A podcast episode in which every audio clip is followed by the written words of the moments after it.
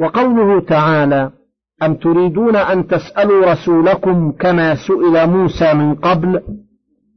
أي بل تريدون أو هي على بابها في الاستفهام وهو إنكاري وهو يعم المؤمنين والكافرين فإنه عليه السلام رسول الله إلى الجميع.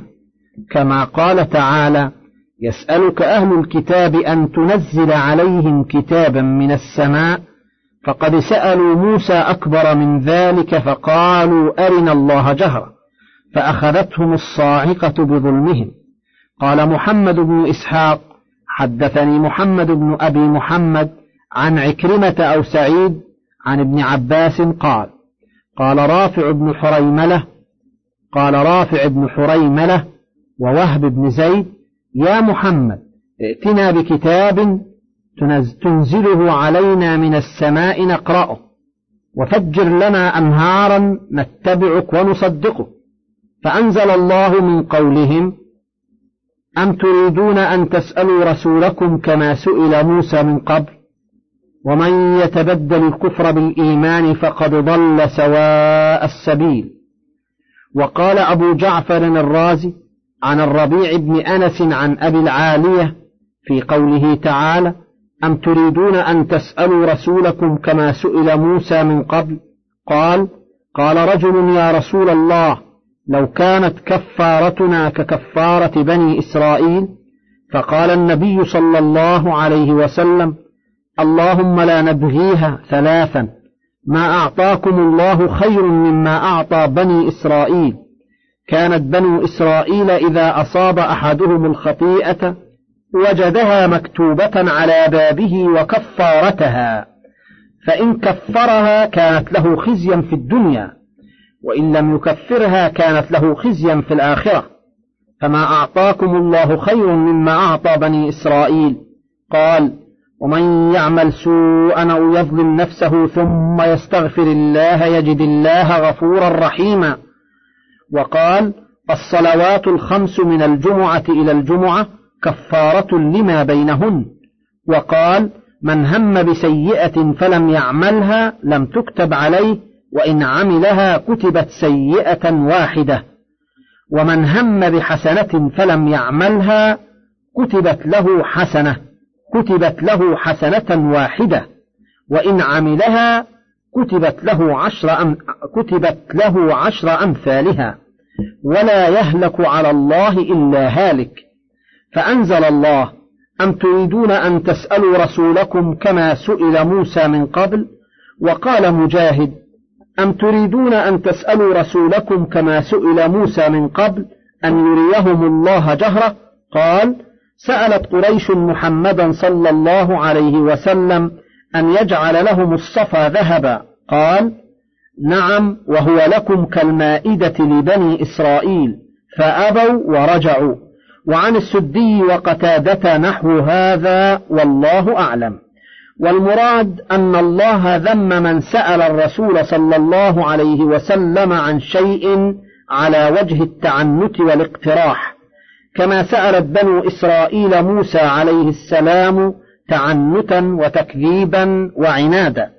قال الله تعالى ومن يتبدل الكفر بالإيمان أي ومن يشتري الكفر بالإيمان فقد ضل سواء السبيل.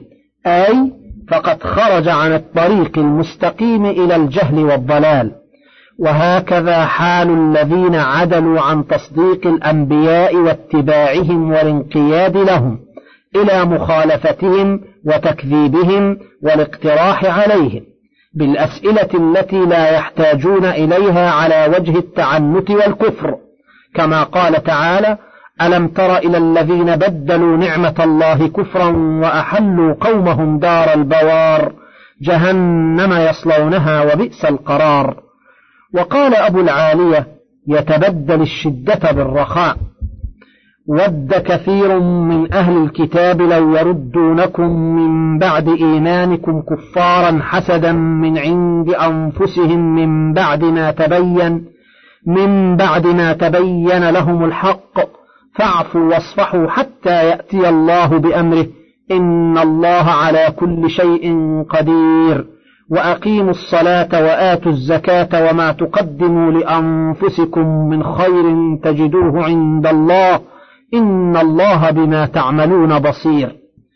يحذر تعالى عباده المؤمنين عن سلوك طريق الكفار من أهل الكتاب.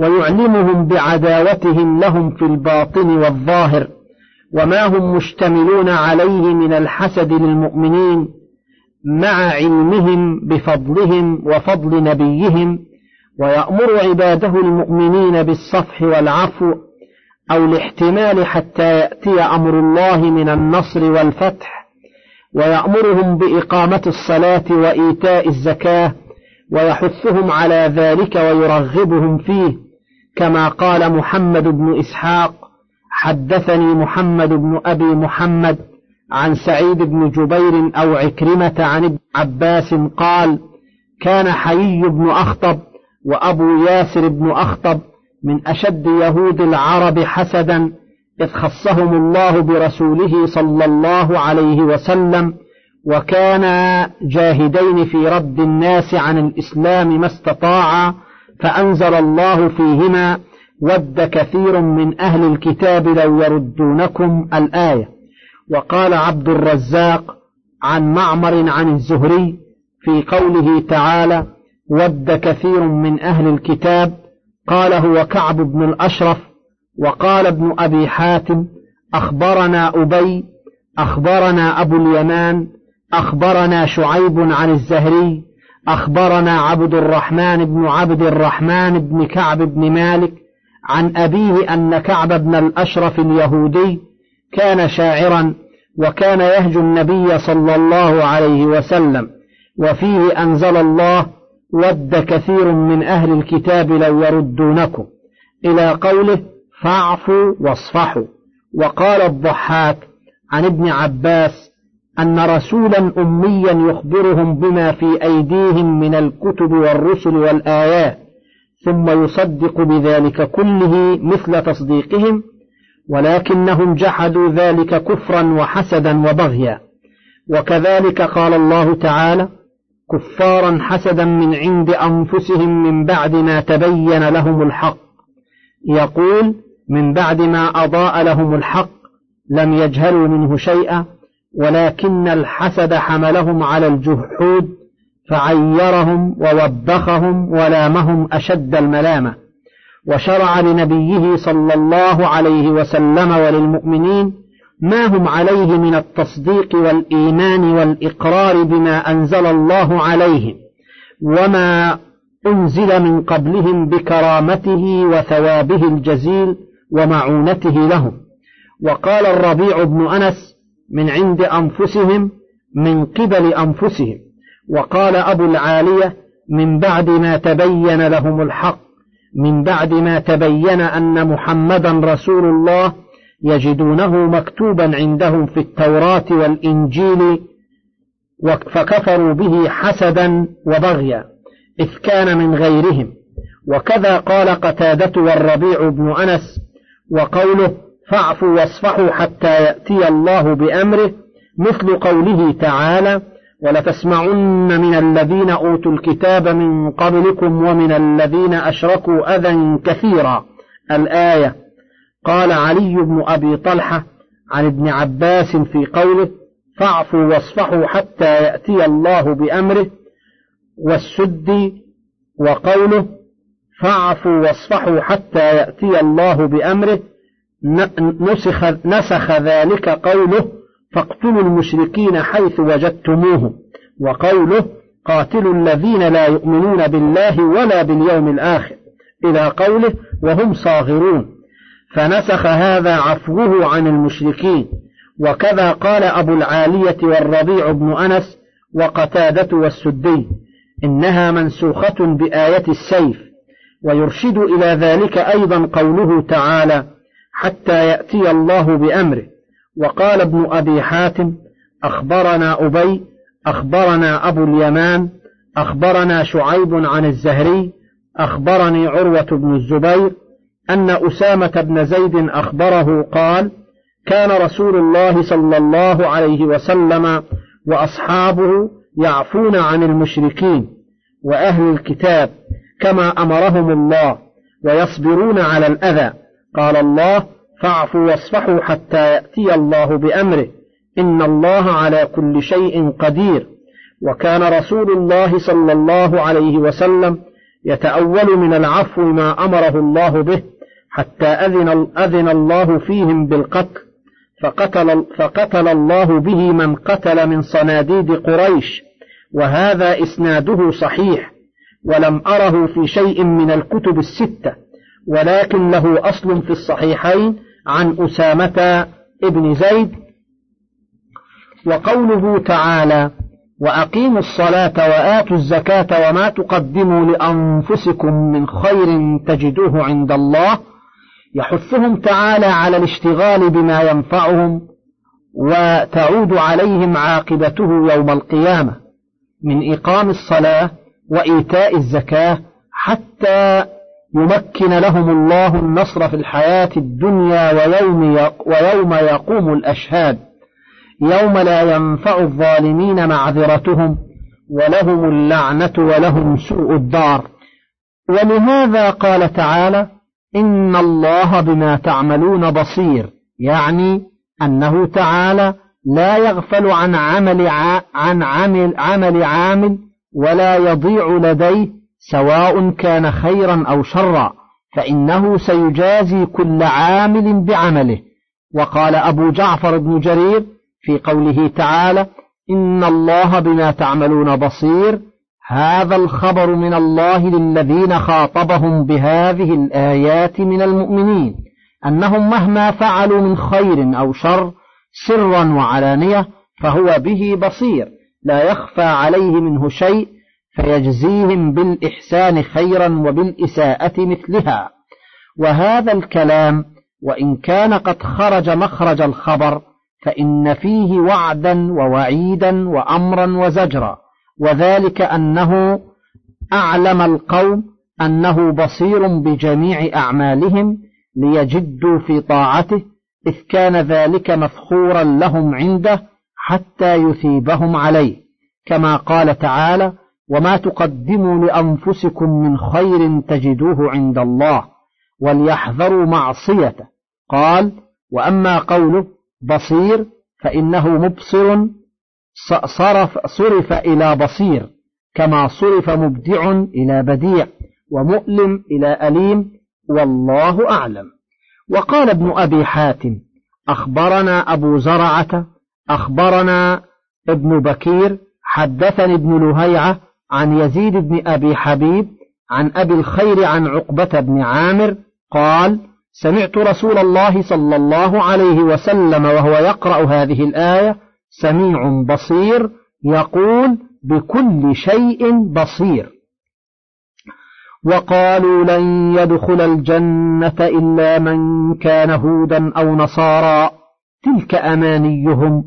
قل هاتوا برهانكم إن كنتم صادقين بلى من أسلم وجهه لله وهو محسن فله أجره عند ربه ولا خوف عليهم ولا هم يحزنون وقالت اليهود ليست النصارى على شيء وقالت النصارى ليست اليهود على شيء وهم يتلون الكتاب كذلك قال الذين لا يعلمون مثل قولهم فالله يحكم بينهم يوم القيامة فيما كانوا فيه يختلفون.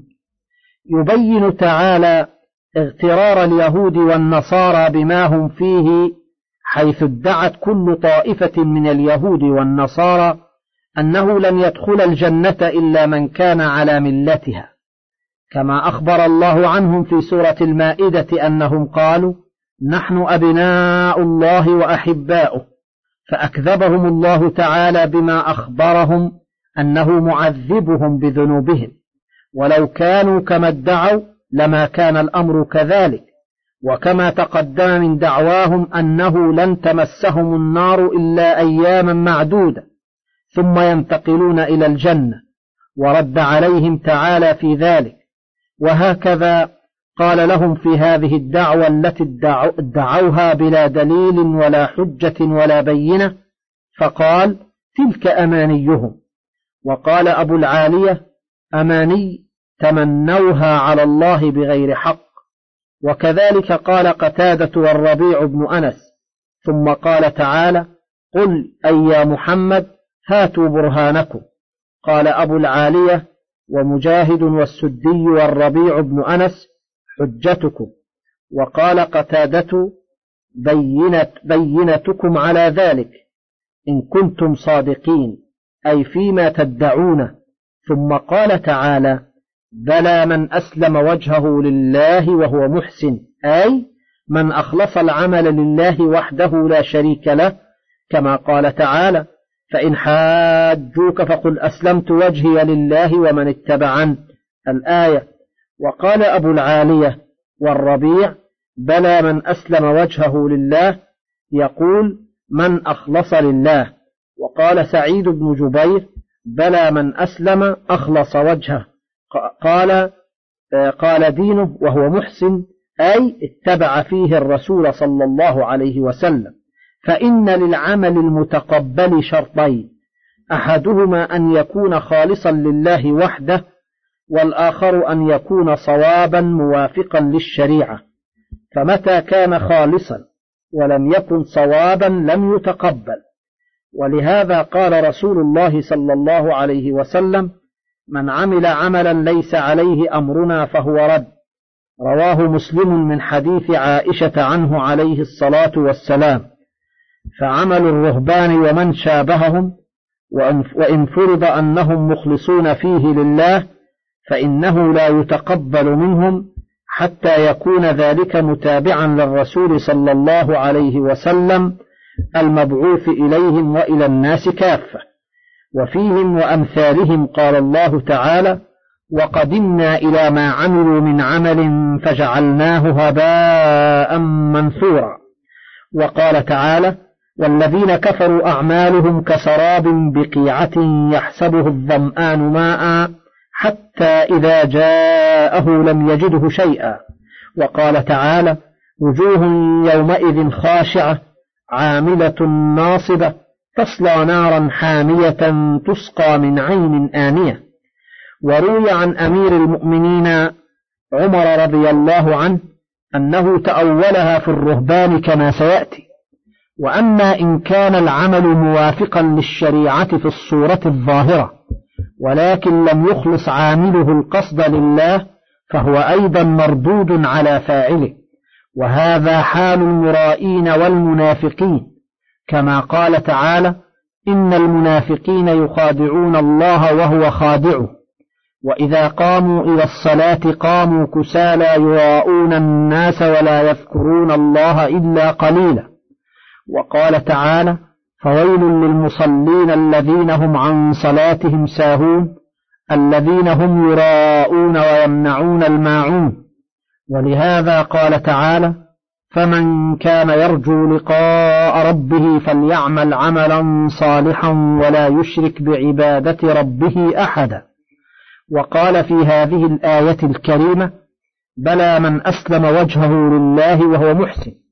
وقوله فله أجره عند ربه ولا خوف عليهم ولا هم يحزنون.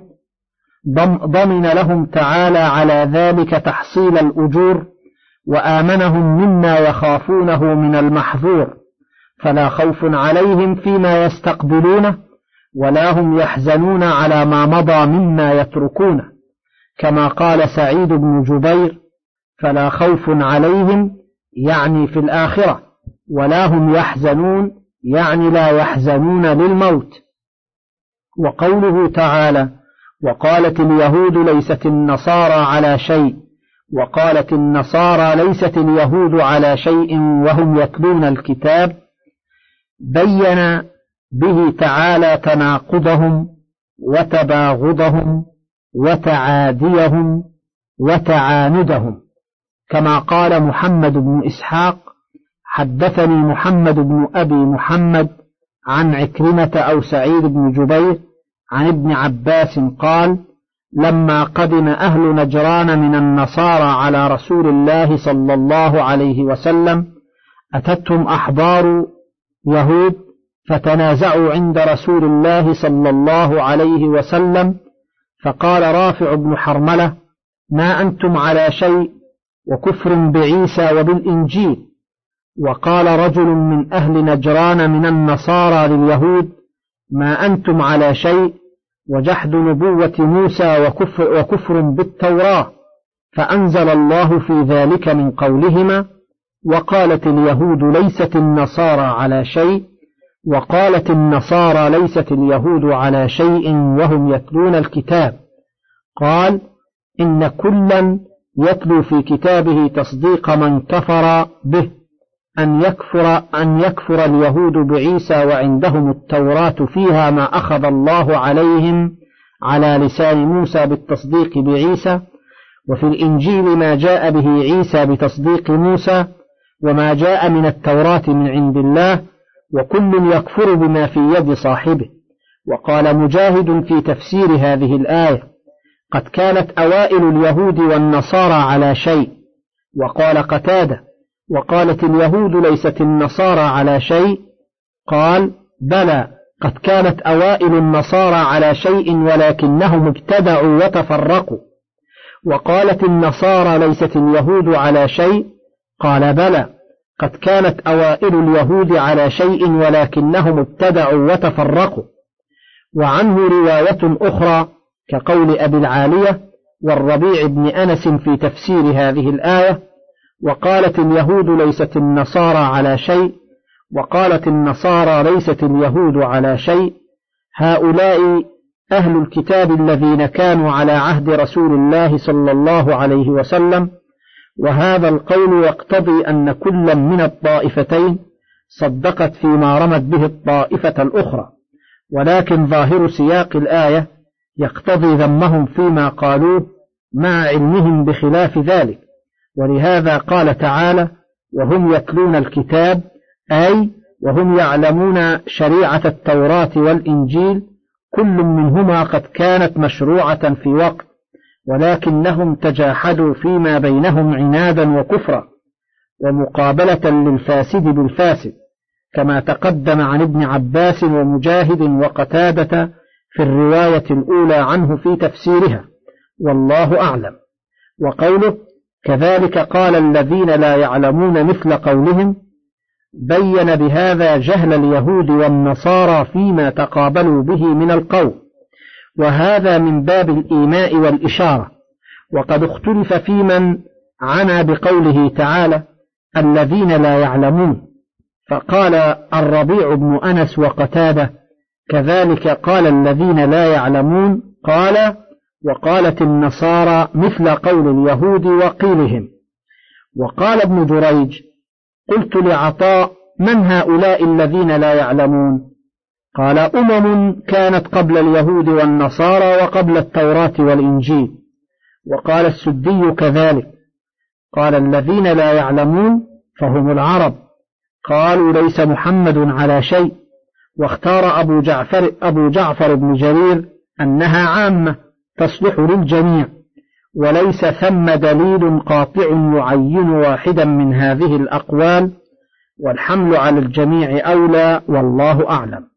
وقوله تعالى فالله يحكم بينهم يوم القيامة فيما كانوا فيه يختلفون أي أنه تعالى يجمع بينهم يوم المعاد ويفصل بينهم بقضائه العدل الذي لا يجور فيه ولا يظلم مثقال ذرة. وهذه الآية كقوله تعالى في سورة الحج إن الذين آمنوا والذين هادوا والصابئين والنصارى والمجوس والذين أشركوا إن الله يفصل بينهم يوم القيامة إن الله على كل شيء شهيد. وكما قال تعالى قل يجمع بيننا ربنا ثم يفتح بيننا بالحق وهو الفتاح العليم. ومن أظلم ممن منع مساجد الله أن يذكر فيها اسمه وسعى في خرابها أولئك ما كان لهم أن يدخلوها إلا خائفين. لهم في الدنيا خزي ولهم في الآخرة عذاب عظيم. اختلف المفسرون في المراد من الذين منعوا مساجد الله وسعوا في خرابها على قولين. أحدهما ما رواه العوفي في تفسيره عن ابن عباس في قوله ومن أظلم ممن منع مساجد الله أن يذكر فيها اسم قال هم النصارى وقال مجاهد هم النصارى كانوا يطرحون في بيت المقدس الأذى ويمنعون الناس أن يصلوا فيه وقال عبد الرزاق أخبرنا معمر عن قتادة في قوله وسعى في خرابها قال هو بخت نصر وأصحابه خرب بيت المقدس وأعانه على ذلك النصارى. وقال سعيد عن قتادة قال أولئك أعداء الله النصارى حملهم بغض اليهود على أن أعانوا بخت نصر البابلي المجوسي على تخريب بيت المقدس. وقال السدي كانوا ظاهروا بخت نصر على خراب بيت المقدس حتى خربه وأمر أن تطرح فيه الجيف وإنما أعانه الروم على خرابه من أجل أن بني إسرائيل قتلوا يحيى ابن زكريا وروي نحوه عن الحسن البصري. القول الثاني ما رواه ابن جرير حدثني يونس بن عبد الأعلى حدثنا ابن وهب قال قال ابن زيد في قوله ومن أظلم ممن منع مساجد الله أن يذكر فيها اسمه وسعى في خرابها؟ قال هؤلاء المشركون الذين حالوا بين رسول الله صلى الله عليه وسلم يوم الحديبية وبين أن يدخلوا مكة حتى نحر هديه بذي طوى وهادنهم وقال لهم ما كان أحد يصد عن هذا البيت. وقد كان الرجل يلقى قاتل أبيه وأخيه فلا يصده فقالوا لا يدخل علينا من قتل آباءنا يوم بدر وفينا باق. وفي قوله وسعى في خرابها قال إذ قطعوا من يعمرها بذكره ويأتيها للحج والعمرة. وقال ابن أبي حاتم ذكر عن سلمة قال قال محمد بن إسحاق حدثني محمد بن أبي محمد عن عكرمة أو سعيد بن جبير عن ابن عباس أن قريشا منعوا النبي صلى الله عليه وسلم الصلاة عند الكعبة في المسجد الحرام فأنزل الله ومن أظلم ممن منع مساجد الله أن يذكر فيها اسمه. ثم اختار ابن جرير القول الأول واحتج بأن قريشا لم تسع في خراب الكعبة. وأما الروم فسعوا في تخريب بيت المقدس. قلت والذي يظهر والله أعلم القول الثاني كما قاله ابن زيد.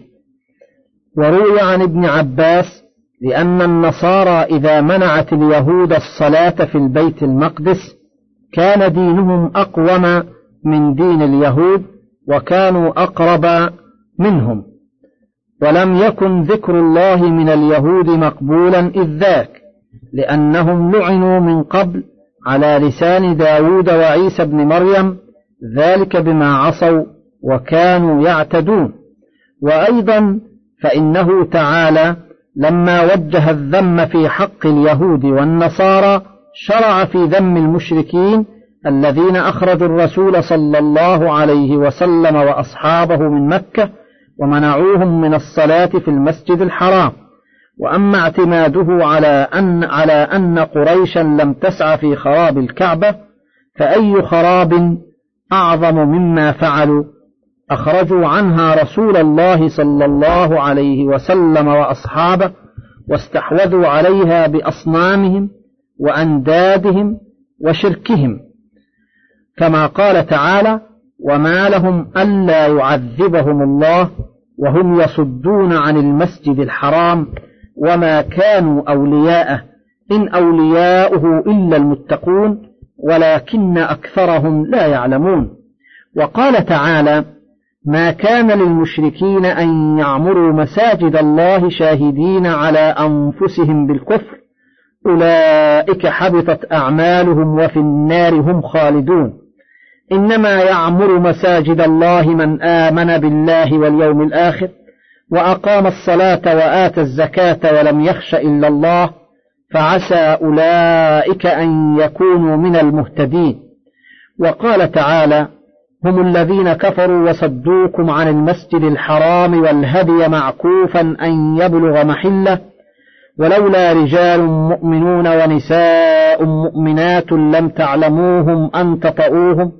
فتصيبكم منهم معرة بغير علم ليدخل الله في رحمته من يشاء. لو تزيلوا لعذبنا الذين كفروا منهم عذابا أليما. فقال تعالى إنما يعمر مساجد الله من آمن بالله واليوم الآخر وأقام الصلاة وآتى الزكاة ولم يخش إلا الله. فإذا كان من هو كذلك مطرودا منها مصدودا عنها فأي خراب لها أعظم من ذلك؟ وليس المراد من عمارتها زخرفتها وإقامة صورتها فقط إنما عمارتها بذكر الله فيها وإقامة شرعه فيها ورفعها عن الدنس والشرك. من فضلك تابع بقية المادة.